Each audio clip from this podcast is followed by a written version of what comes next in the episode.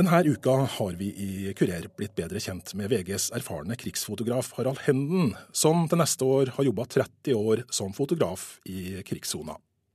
I programmet forteller han kort hvordan hans nære kollega og fotovenn Paul Hansen fra Dagens Nyheter i Sverige ble skutt to ganger av en snikskytter fra IS på fronten rett utenfor Mosul mens de to jobba sammen.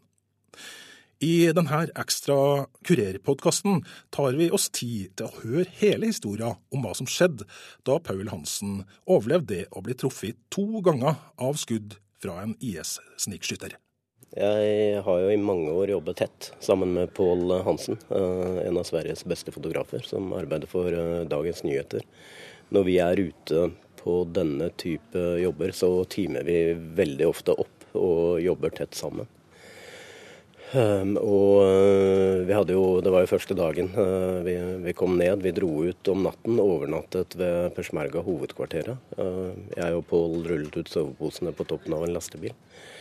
Og tidlig om morgenen ved, ved soloppgang så fulgte vi etter hvert Peshmerga-kolonnen som skulle ned og ta landsbyer rundt Bashika nede på Nivenesletten. Uh, og der er det jo en del sandboller sandvoller sånt etter hvert. Og vi kommer fram til en av de der det er en del beskytning, og der de første bygningene kommer. Og det øker jo risikoen, fordi man ikke vet hva som er inni disse bygningene. Hvor nært er du IS da? ja, på den nærmeste der vi kunne se munningsglimtene, så var vi en 400-500 meter unna. Og øh, jeg og journalistene, Nilas øh, fra VG og Erik Olsson fra Dagens Nyheter, vi, vi er ved denne, denne volden. Og, og Pål uh, drar da et stykke lengre fremover. Uh, og uh, hopper også om bord i en, en, bil med soldater. Så det, det gjør han alene? Det gjør han, det, det gjør han alene, ja. Um, og det, det, er for så vidt uh, greit. Men, men uh, det som skjer, er at det stedet vi tre andre er, det kommer da under beskytning. både med håndvåpen og med bombekastergranater. så det er en ugrei situasjon der. Så jeg vil at Pål skal komme seg tilbake igjen slik at, eh, at, vi kan komme oss vekk derifra. For jeg føler jo et veldig stort ansvar for, for eh, spesielt da min journalist Nilas, Nilas Johnsen. Og, og når Pål da prøver å komme seg tilbake, så uh, blir han uh, truffet av to skudd av en snikskytter fra IS. Det første skuddet går uh, i hjelmen. Hjelmen redder han. det hadde gått rett inn i tinningen hans hvis han ikke hadde hatt hjelmen på. Og mens han da ligger nede, så kommer det et skudd til som går inn høyt ved skulderen. Og kulen legger seg til ro uten å gjøre noe særlig skade rett under huden over ryggraden. Så han hadde en utrolig englevakt. Han kommer seg vekk derifra, kommer seg bort igjen til Peshmergaen. Og, og, de kjører han da til det stedet vi er, der ambulanser og førstehjelpsmannskaper uh, venter. For de har ikke rykket så langt fram. De ligger jo litt, litt lenger bak i disse situasjonene.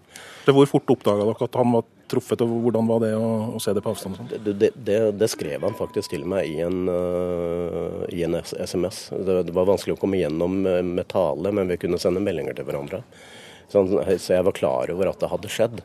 Uh, og jeg var jo utrolig lettet når jeg sa at han sto på egne ben og at dette, dette hadde gått bra. Han var blodig i ansiktet uh, for det uh, han hadde jo sår ved hjelmen der denne kulen hadde, hadde, slått inn.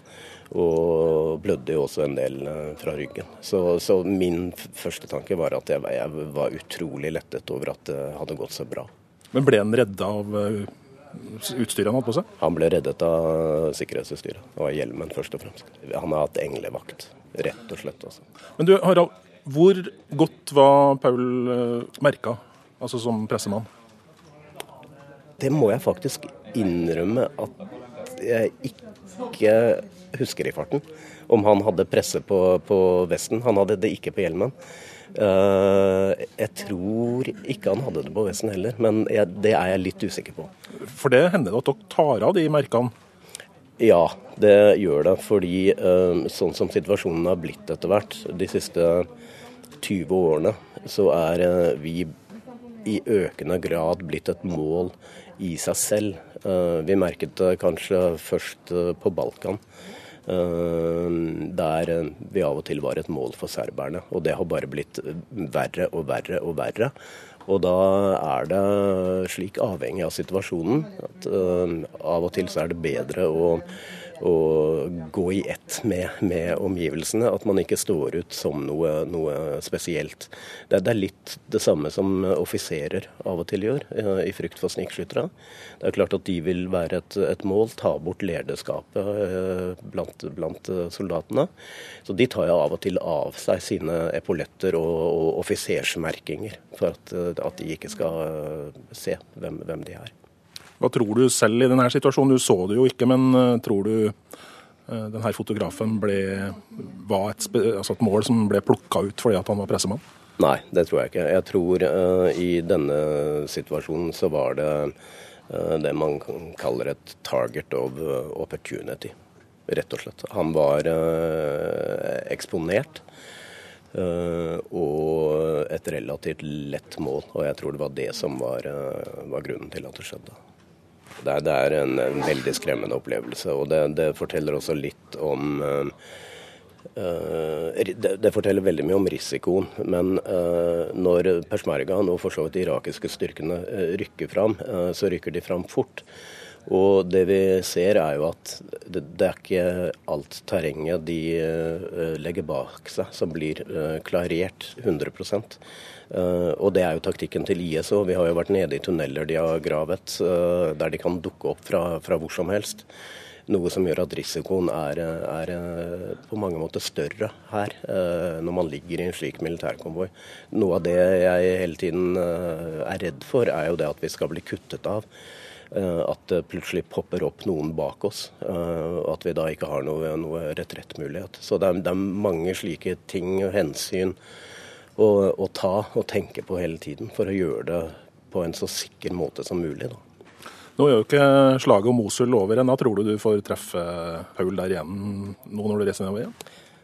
Ja, det tror jeg. Paul er øh, klar for å dra ned øh, igjen selv, og vi har allerede snakket om det.